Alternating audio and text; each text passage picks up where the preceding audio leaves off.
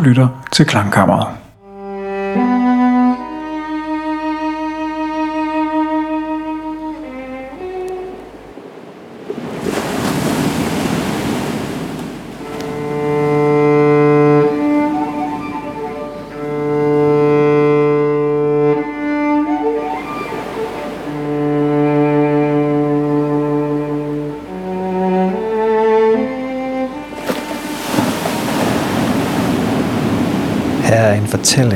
Bevæge sig, ligesom lyd gør.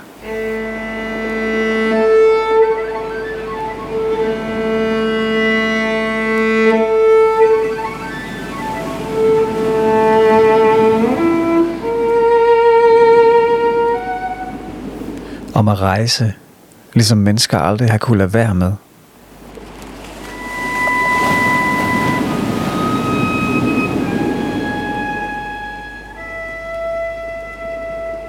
Om at være ustoppelig og ligeglad med landegrænser, ligesom musik er.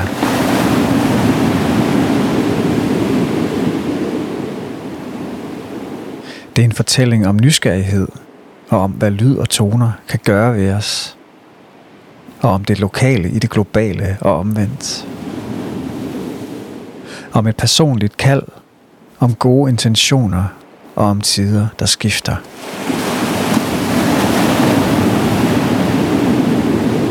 Det er også en fortælling om et menneske, der voksede op under usædvanlige kår og fik lidt af hvert med sig i den metaforiske kuffert. Et menneske, der drog længere og længere ud i verden med et ønske om at suge til sig fra den, men helt sikkert også med et ønske om at give tilbage og sætte aftryk, hvilket lykkedes.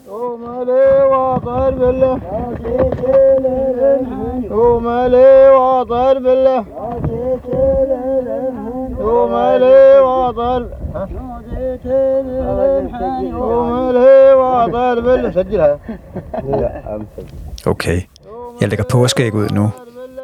Kan du mærke det? Men altså, historien her, den kan bære det.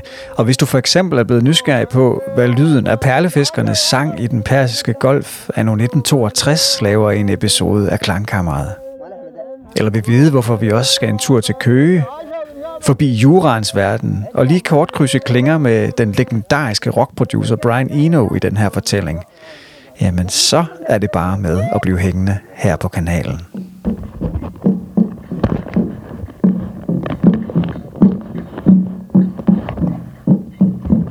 Jeg har glædet mig til at fortælle om komponisten Paul Rosing Olsen, som er hovedperson i det her afsnit. Til at sætte ham ind i den kontekst, som jeg synes gør ham så spændende. Han voksede op i 1920'erne og 30'erne i Randers, den by, hvor jeg arbejder, og han tog lidt af hvert med sig herfra. Da han tog fra byen som ung mand i starten af 1940'erne, var han faktisk allerede begyndt at give tilbage i form af de toner og klange, der skulle blive hans primære kald her i livet, og hans største bidrag til verden som komponist.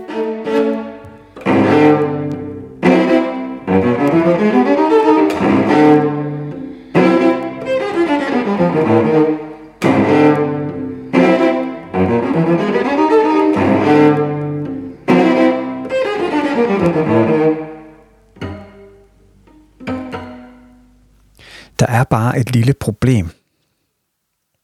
Uanset al min velvilje over for et spændende menneske, der så at sige er foran på point i min bevidsthed, takket være en super spændende historie med en lokal vinkel, der faktisk vokser sig absolut global i løbet af nogle årtier, så forstår jeg ikke helt hans musik.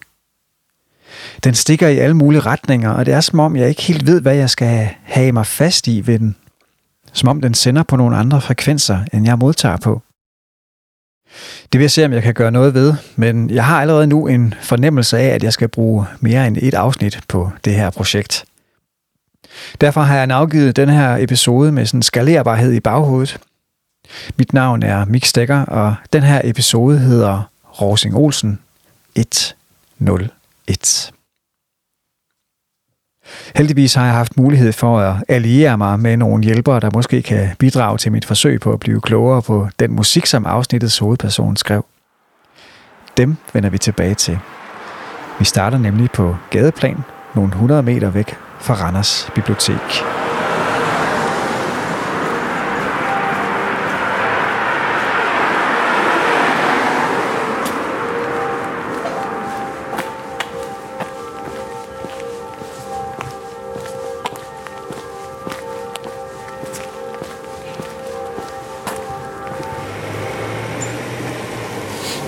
Fortalt om komponisters opvækst indtil nu i klangkammeret, så har de altid været fattige. De har været ved at dø af diverse børnesygdomme ude i en eller anden fjern afkrog af det østrig-ungarske rige. Men så klarede de den alligevel og ændrede kulturhistoriens gang med deres musik.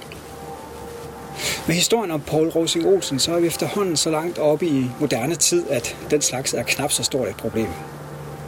Ikke at sygdom og epidemier ikke stadigvæk kunne være en trussel i starten af det 20. århundrede, og ikke at der ikke stadig var mennesker, også herhjemme, som levede i hæftigt armod på det tidspunkt. Men man var alligevel begyndt at have styr på nogle sundhedsmæssige ting her 100 år efter, at for eksempel Frans Liszt var ved at stille barneskoene.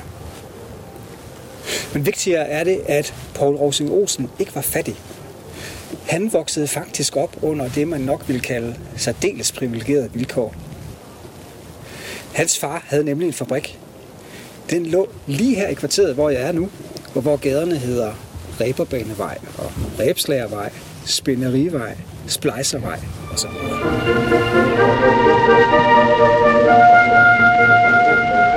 Fra at være en handelsflække ved et vadested, er Gudenårstaden vokset til moderne industriby. Rebet holder i dag som dengang. Fortidens primitive reberbaner er blevet til store, moderne fabrikshaller.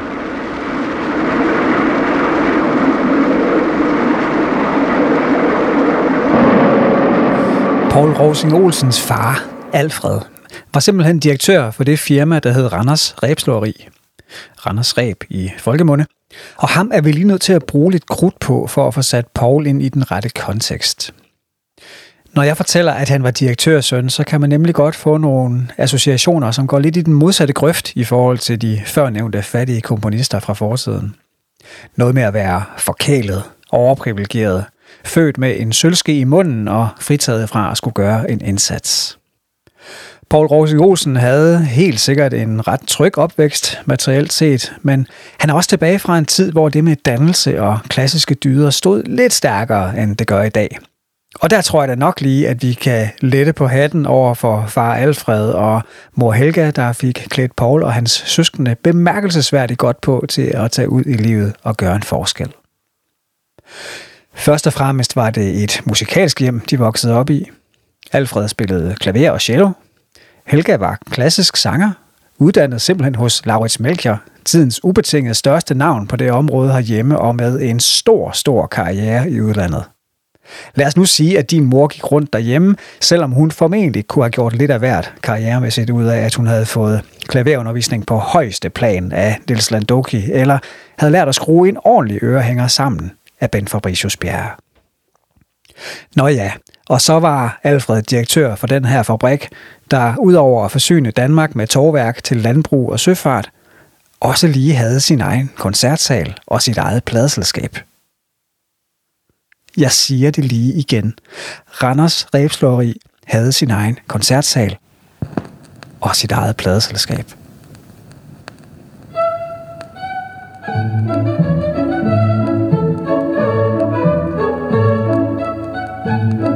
you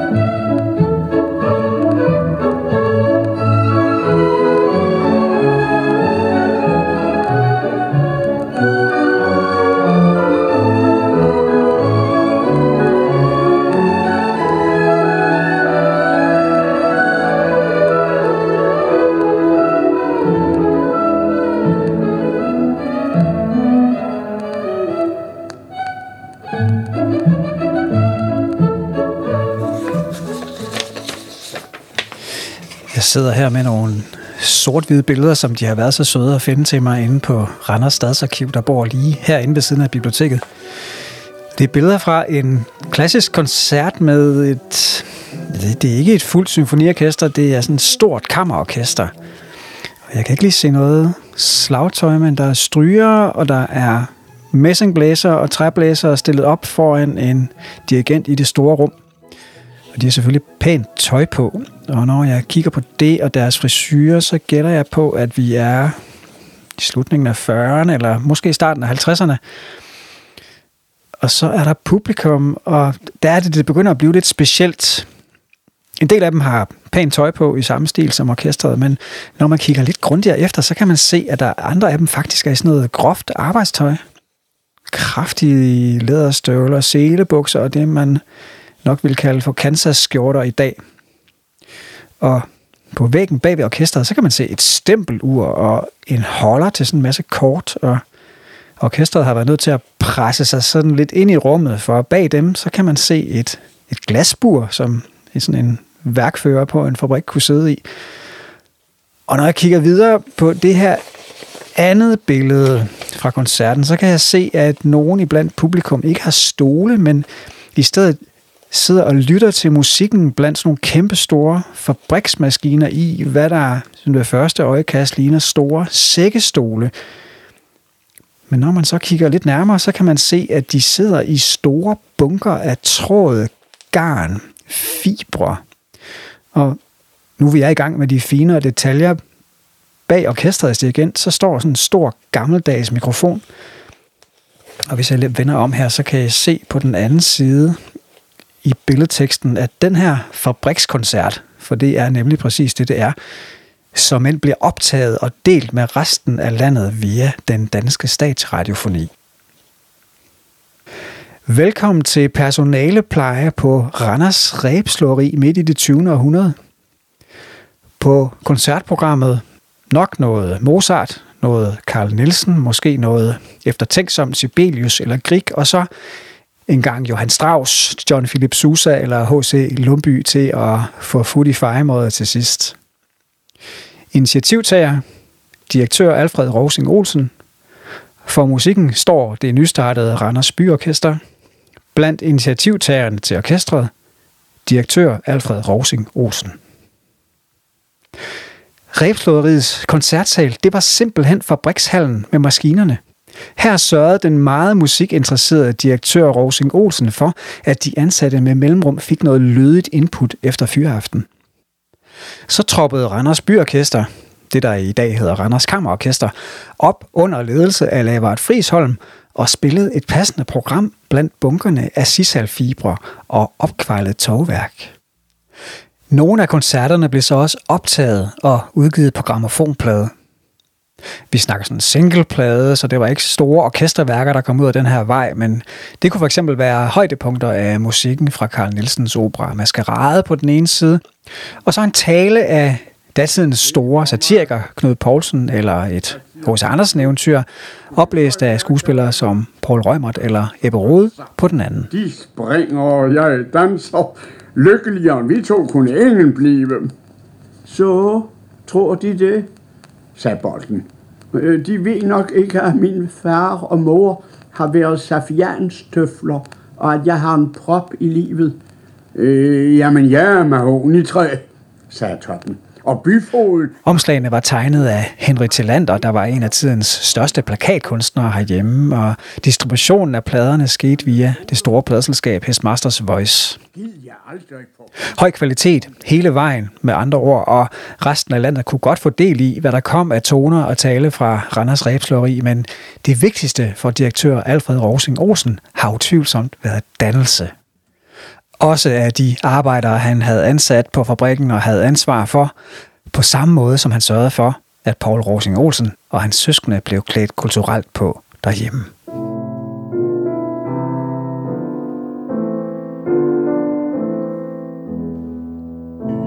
som jeg lå på min lyngrode bakke, stormenes brusen hen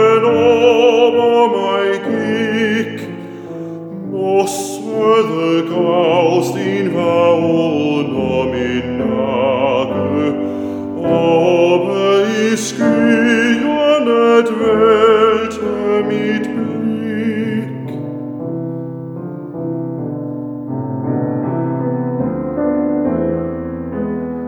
Frieder Mai hat die Tuse Der blev holdt musikaftener hjemme i direktørboligen, og der blev der fremført værker af blandt andet Franz Schubert og Robert Schumann.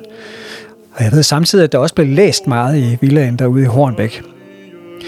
Det vi hører her i baggrunden er en form for syntese af de to ting, for litteraturen sne sig ind i Paul Rosing Olsens musik fra tidlig dag. Han skrev sidst i teenageårene, Måske faktisk, mens han stadigvæk var gymnasieelev på Randers Statsskole. Den her meget supertske leadmusik til noget så passende nu vi er i Randers, som Sten Stensen Blikkers digt Heden. Das var min tåre erfüllt i mit øje over den gnist, som opfarvede min ånd. Glædelig flagrede men det vigtige i den her sammenhæng var nok snarere, at det var litterært, end at det var lokalt. I hvert fald hvis vi kigger på, hvordan Rosing Olsens komponistkarriere meget hurtigt begyndte at forme sig. Man kan sige, at det har været sin sag ikke at blive introduceret til Sten Stensen Blikker som elev på Randers Statsskole i fordomstid, og på den måde har det været super nærliggende at gå ombord i hans tekster for en komponistspire. Men jeg ved, at den unge Pauls øjne eller snarere og meget bogstaveligt, hans ører blev vendt i retning af meget fjerne himmelstrøg, samtidig med, at det var lokale helte som Blikker og Pontoppidan, der var på pensumlisten på, i gymnasiet. For et nysgerrigt gemyt var der nemlig en hel verden af lyd og musik at tage på opdagelse i via datidens internet, radioen.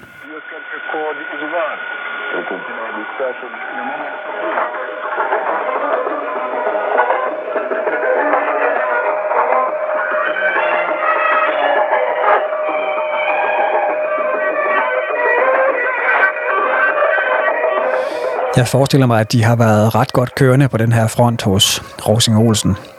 Dels fordi der sikkert har været råd til godt udstyr, dels fordi det var en, eller det må have været en logisk prioritet at holde sig orienteret om verdens gang, når man nu var i spidsen for et foretagende, som leverede produkter, der var med til at holde de samfundsøkonomiske hjul kørende i ind- og udland. Og ja, og så forestiller jeg mig også, at far Alfred, som jo var ingeniør af uddannelse, har sat pris på at have velfungerende højteknologi til rådighed.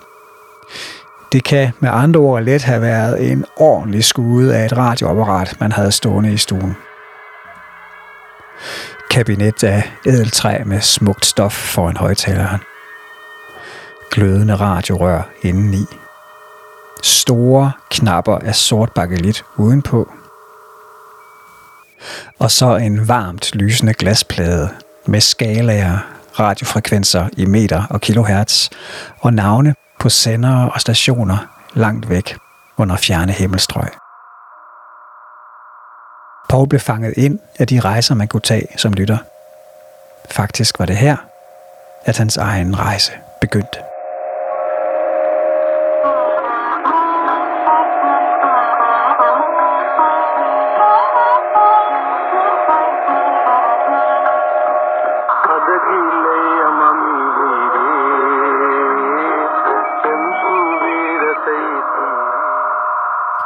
Okay, hvor ved jeg alt det her fra? Jeg har læst meget om Paul Rosing Olsen. Der er desværre ikke nogen officiel biografi om ham, men de artikler, der er skrevet om ham rundt omkring, giver et ganske godt omrids, især når man supplerer med det, han selv skrev. Han var ganske produktiv på tekstfronten i sin tid.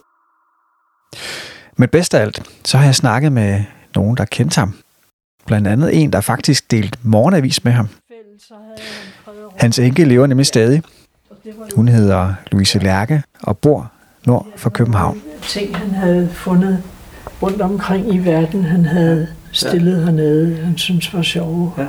Og der er til et, et musiktema på, på mange af dem. Det, Ja, Den ser ret meksikansk ud. Den er Ja. meget flot, selvlysende violinist derovre. ja, ja. Louise bød mig indenfor i den villa, hvor hun boede sammen med Paul, og jeg fik også en rundtur. Det er fra Indien og sådan noget. Før de boede der, var villaen ejet af arkitekten Ty Vass, og han og hans ansatte arbejdede i det store lyserum nede i kælderen. Så går vi ned ad trappen til kælderen, mm-hmm. hvor der har været tegnestue. For Paul, der overtog den nederste etage, kan der godt have været en følelse af fagligt slægtskab i den forbindelse.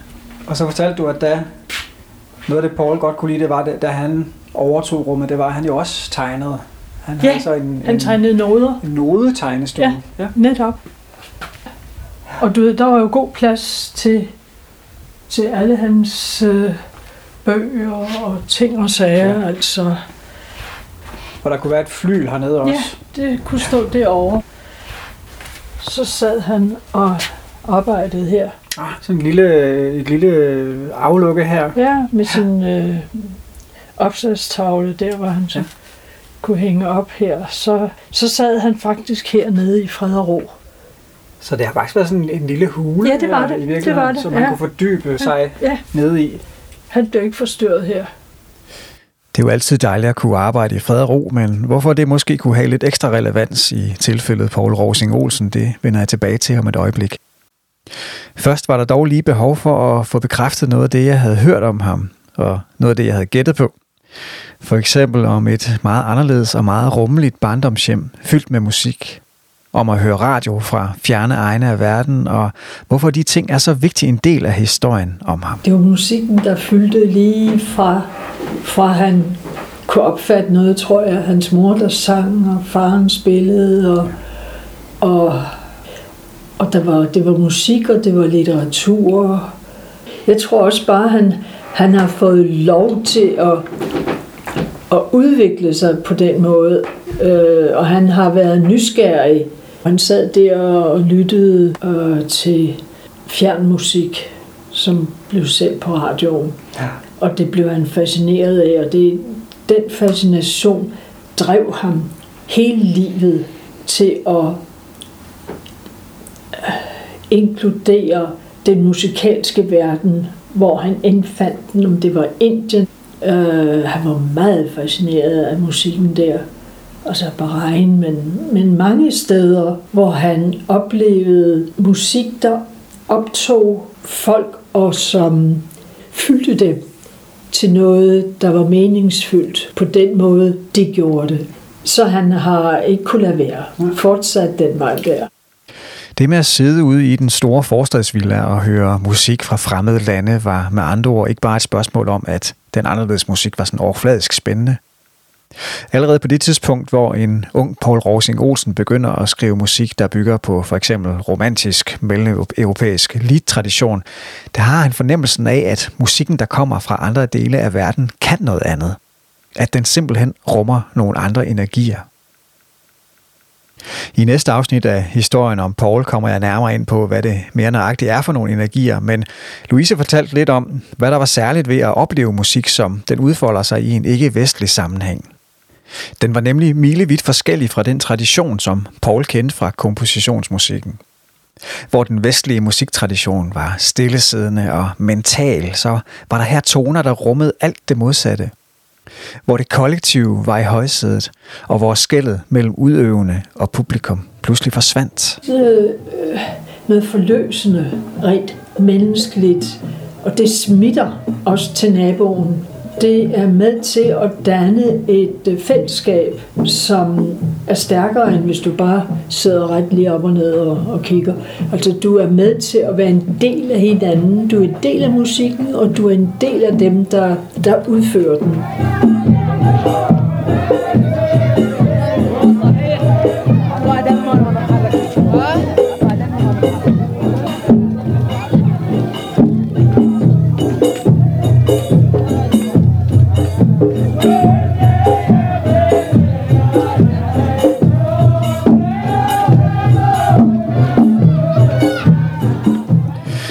Samtidig skal vi nok også lægge mærke til noget af det, som Louise sagde om Paul lige før. At han ikke kunne lade være. Det galt nemlig på flere plan i hans liv, og er nok også en side af den opdragelse, han fik derhjemme. Paul Rosing Olsen var, mildt sagt, den arbejdsomme type. Da han forlod Randers i starten af 1940'erne, gik turen i første omgang til Aarhus, hvor han studerede musikteori. Men det gjorde han samtidig med, at han tog de første par år af jurauddannelsen på byens universitet. Med det til en side rykkede han til hovedstaden, hvor han studerede komposition og klaver på det kongelige danske musikkonservatorium. Samtidig med, at han lige gjorde sig til kant jur på Københavns Universitet. Så en tur til Paris for at fordybe sig i komposition hos to af tidens ubetingede hotshots på området, Nadia Boulanger og Olivier Messiaen. Men så var der jo lige den store samling af musiketnologiske optagelser på Museet de l'Homme, byens antropologiske museum, som han kastede sig grådigt over i fritiden. Ansat som jurist i undervisningsministeriet fra 1949, men tog lige en uddannelse i musikpædagogik samtidig og var desuden sideløbende musikanmelder på diverse dagblade. Ansat ved Dansk Folkemindesamling fra 1960 med indsamlingsrejser rundt i hele verden, og da han efterhånden holdt op med at skrive anmeldelser, var det nok fordi, at det begyndte at knibe lidt med overskuddet, når man også var arkivar ved Folkemindesamlingen, tog på etnografiske ekspeditioner, underviste på universiteterne i København og Lund, og derudover også sad i en lang række af råd, ikke mindst i bestyrelsen for International Folk Music Council, hvor han efterhånden blev præsident. Der har været et tidsstyringstalent. Jo, det kan man godt sige. Det blev han jo nødt til, når han havde så mange interesser. Og især synes jeg, at de der rejser med musiketnologi, det var lange rejser, ja. og han skulle foretage en masse, holde en masse foredrag, og det tog meget på hans øh, kræfter. Så der var meget, han skulle passe, og så også hans ønsker om at gerne skrive noget, så, så han øh, havde nok at lave. Sov han nogensinde? ja, det gjorde han. Det gjorde han. Uh, gik sent i seng. Det er i sin tid blevet sagt om Leonard Bernstein, at hans komponistkarriere nok ville have haft god gavn af, at han ikke havde brugt så meget tid på også at dirigere musik. Hvis den logik holder, kan man roligt være imponeret over de 86 opus, som Paul Rosing Olsen nåede at skrue sammen i sit ret korte liv ved siden af alt det her. Musikken fejler ikke noget kvalitetsmæssigt, hvilket den lange række af priser og legater, som han fik i løbet af karrieren, vidner om. Hvad kunne det ikke være blevet til, hvis han bare havde skulle koncentrere sig om at skrive musik? Vi er ude i gætværk her, og tingene kan nok ikke stilles helt så firkantet op. For det første var Pauls etnografiske rejser rundt i verden med til at inspirere ham og en væsentlig form for brændstof, som han nok ikke ville have været foruden. For det andet var den stringens, som jurans verden havde at byde på, hvor paradoxalt det måske kan lyde, en gave, når det kom til den kreative proces hvor vi kan have en idé om, at det med at skabe noget handler om, at alt skal være vidt løftigt og vildt voksne, så idéerne kan blomstre frit, så er realiteterne gerne anderledes, når samme idéer skal sættes sammen til et værk, for eksempel en bog, en film eller et stykke klassisk musik. Her er det faktisk ikke så dumt med lidt firkantethed. Og det ligner set udefra lidt en dobbelthed, eller hvad skal man sige? Det er jurans verden, som er en ret stringent verden ja, ja. og en ordentlig verden. Ja. Og så på den anden side en skabende ja. år, ikke? Ja. som på nogle måder handler om... At ja, lukke op. Ja, men det har han integreret. Ja, det har han. Det sad jeg lige og tænkte på. Ja. Det tror jeg, at det er rigtigt. Fordi du skal også som komponist have styr på dig selv. At du kan koncentrere dig. Du kan lukke, lukke verden ude et mm. stykke tid for at gå ind i den musikverden, som du gerne vil skabe, og som du har i dig. Og der, der tror jeg, at han havde en fin evne til at ja. kunne gøre det.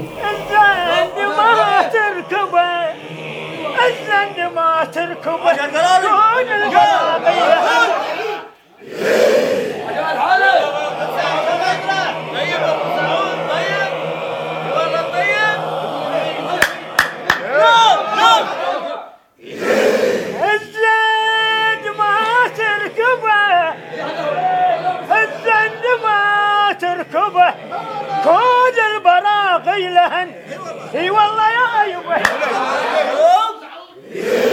على På bundlinjen står, at der var mange sideløbende spor i Paul Rosing Olsens professionelle liv. At være kulturelt og musikalsk nysgerrig etnolog med optageudstyr og mikrofon var et af dem – han var den ydmyge og åbne rejsende, der formåede at blive inviteret indenfor, hvor der var folkeliv, og ikke mindst folkelig musikudøvelse.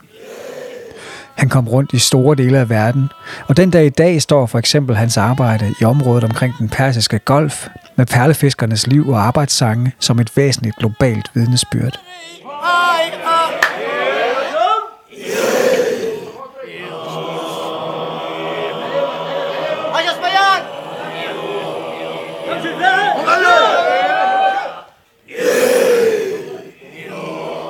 Han formåede i tide at dokumentere en kultur og et erhverv, som man på den ene side ikke skal glorificere, Der er ingen grund til at hylde slaveri og det at arbejde med livet som indsats, men hvis musikalske udtryk omvendt er så godt som udvisket i sin oprindelige form i dag på grund af olieindustriens fremvækst.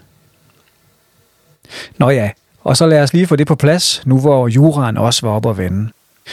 Jeg sagde før, at Paul var jurist i undervisningsministeriet fra 1949 til 1960. Hvad han lavede der? Nå, han var som en bare med til at sørge for, at alle danske skabende kunstnere fra den tid op til nutiden og videre ind i de år, vi kommer til at gå i møde, kan få brød på bordet og har ejerskab over de ting, som de selv producerer. Takket være den ret unikke kombination af at have en fod i henholdsvis jurans og musikkens verden, var Paul Rosing Olsen simpelthen med til at udforme den danske lov om ophavsret, og dermed skabe en del af fundamentet for det kultur- og medielandskab, som vi kender herhjemme i dag. Det er da også en slags aftryk, der ved noget, synes jeg.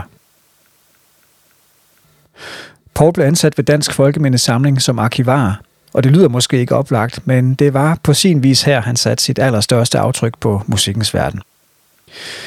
Desværre kan man sige, og på en ret ironisk måde. Ironisk, fordi aftrykket lidt overraskende blev sat på området for den populærmusik, han i udgangspunktet var ret skeptisk overfor. Desværre, fordi aftrykket indebar, at det kom til at fremstå, som om han selv havde forbrudt sig mod helt grundlæggende principper på det ophavsretslige område, som han netop selv havde været med til at udforme herhjemme.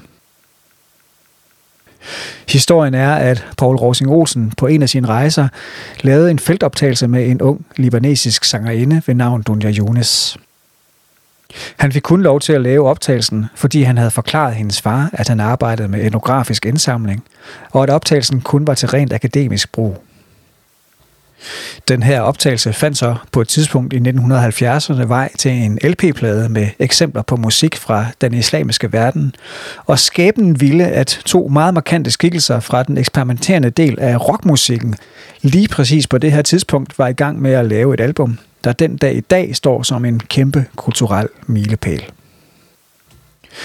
Hvis man går lidt op i rockmusik, så behøver navnene Brian Eno og David Byrne næppe nogen nærmere introduktion, men lad os bare lige få det på plads. Sidstnævnte primært kendt som forsanger og sangskriver i det toneangivende band Talking Heads, men også soloartist med anerkendelse i lange baner for den side af sagen. Førstnævnte er en af verdens største og mest banebrydende rockproducer gennem årene, blandt andet for David Bowie og U2, men har i det hele taget bidraget væsentligt som en art kunstnerisk ideolog til at forme hele det rytmiske landskab med sine album og idéer om, hvad musik kan og skal være. Det album, som Burner og Eno lavede sammen på det her tidspunkt, hedder My Life in the Bush of Ghosts. Og det er en udgivelse, som har været super vigtig for den moderne rytmiske musik med sit collagebaserede udtryk og sine krydsninger mellem vestlig og ikke-vestlig lydkultur. De gik på strandhugst i musikudgivelser fra nær og fjern, klippede og klistrede i studiet og lavede et album, der blev en kæmpe inspiration inden for vestlig populærmusik. Både den traditionelle håndspillede rockmusik og så den elektroniske samplingbaserede musik.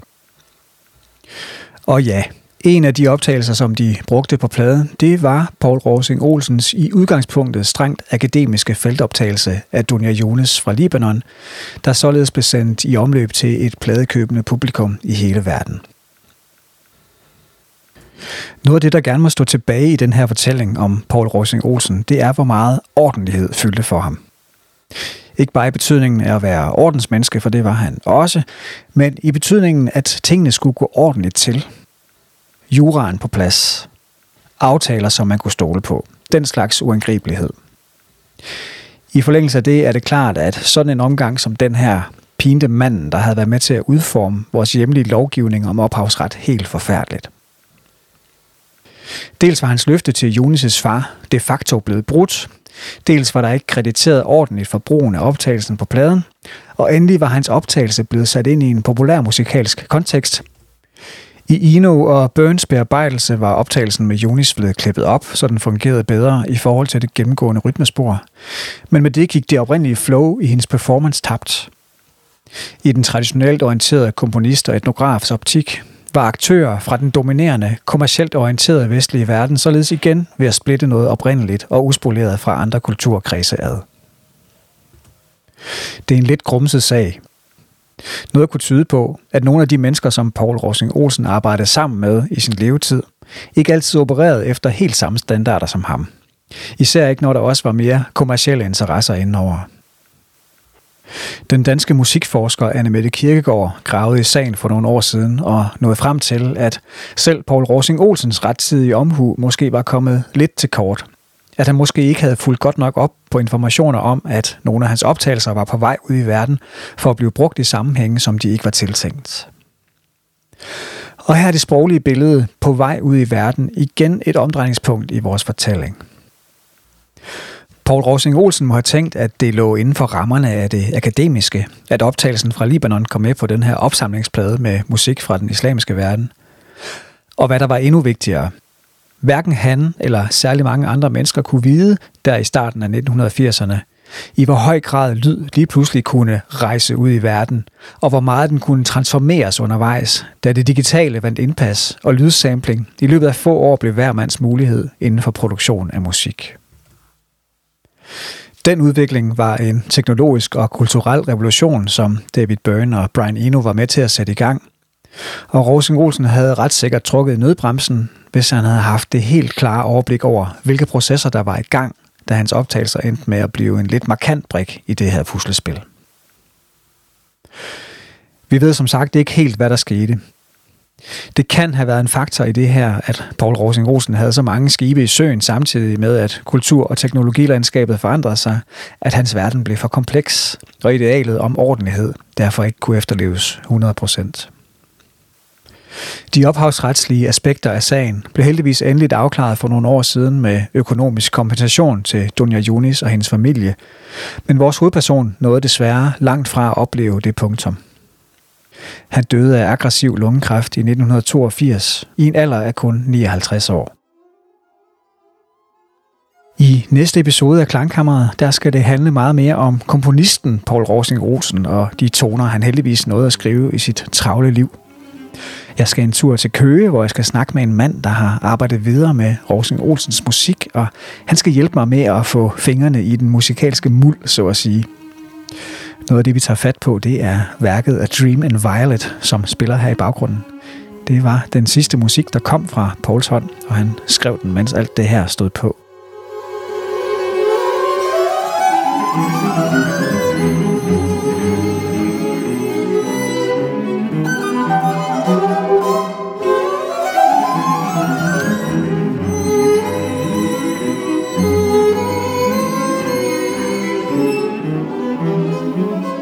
Tak fordi du lyttede med til første del af fortællingen her. Undervejs hørte du lyd fra Pulsvælde og Statens Filmcentral, og ja, musikken til den reklamefilm om Randers fra 1951, som jeg brugte et lille klip fra, den var af en ung Paul Rosing Olsen. Du hørte også lyd fra Dansk Folkemindesamling, som jeg gerne vil rette en stor tak til for at give mig adgang til nogle af hans feltoptagelser fra Mellemøsten. Mit navn er Mik Stegger, og vi høres ved i næste episode af Klangkammeret.